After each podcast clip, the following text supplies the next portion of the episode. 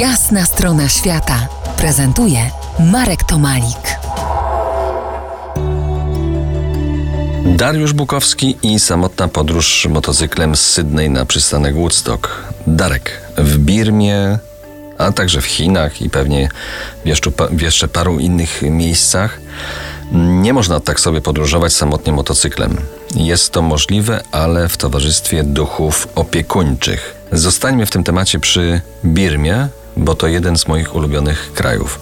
Co to za obyczaj, obyczajówka? Towarzyszą ci jacyś panowie? Kiedy przejeżdżałem przez Indię, musiałem mieć przewodników i to nie tylko jednego, bo jednego rządowego oficjela, musiałem mieć a, przewodnika oraz oni musieli mieć dodatkowo kierowcę, który ich przewiózł przez Indię, To znaczy, przez Birmę. To znaczy, ty jechałeś motocyklem, a oni za tobą samochodem, tak? Tak. I przejeżdżając przez, e, przez Birmę, e, to jest, to, jest ba, to, to było bardzo, e, to, to, było dla mnie coś, coś nowego, bo mówili mi, spotykamy się w danym punkcie za, przypuśćmy, 100 kilometrów i za 100 kilometrów się spotykałem z nimi. Jeżeli nie, to e, dzwonili do mnie, gdzie ja jestem. Jeżeli nie byłem w ciągu, przypuśćmy, pół godzin za 100 kilometrów w danym Czy musiałeś miejscu. być posłuszny, tak? O, no niestety tak, no ze mną jest lekki problem, ale jakoś im się udało. Tak mi się wydaje, że z tobą będzie problem w temacie posłuszności. E, ale co, da się zgubić te duchy, zniechęcić je do wspólnej podróży? Czy to się w ogóle opłaca? Pewnie się da, ale przejeżdżając przez Birmę jest a, tam wiele bramek wojskowych, przez które trzeba przejechać. Więc gdyby nie te duchy, prawdopodobnie już na pierwszej bramce bym musiał zawrócić i wrócić do Tajlandii. Dobrze, zostawmy duchy w spokoju.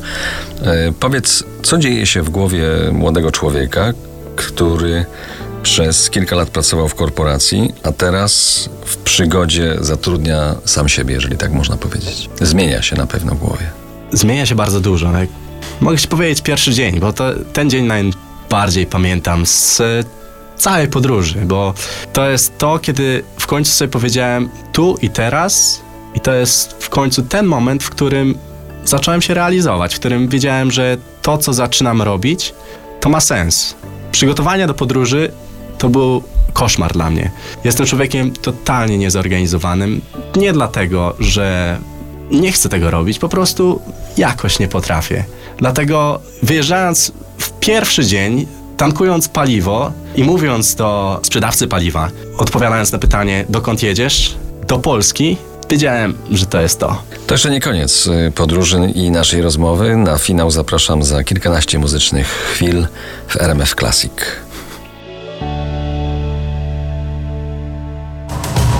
To jest jasna strona świata w RMS Classic.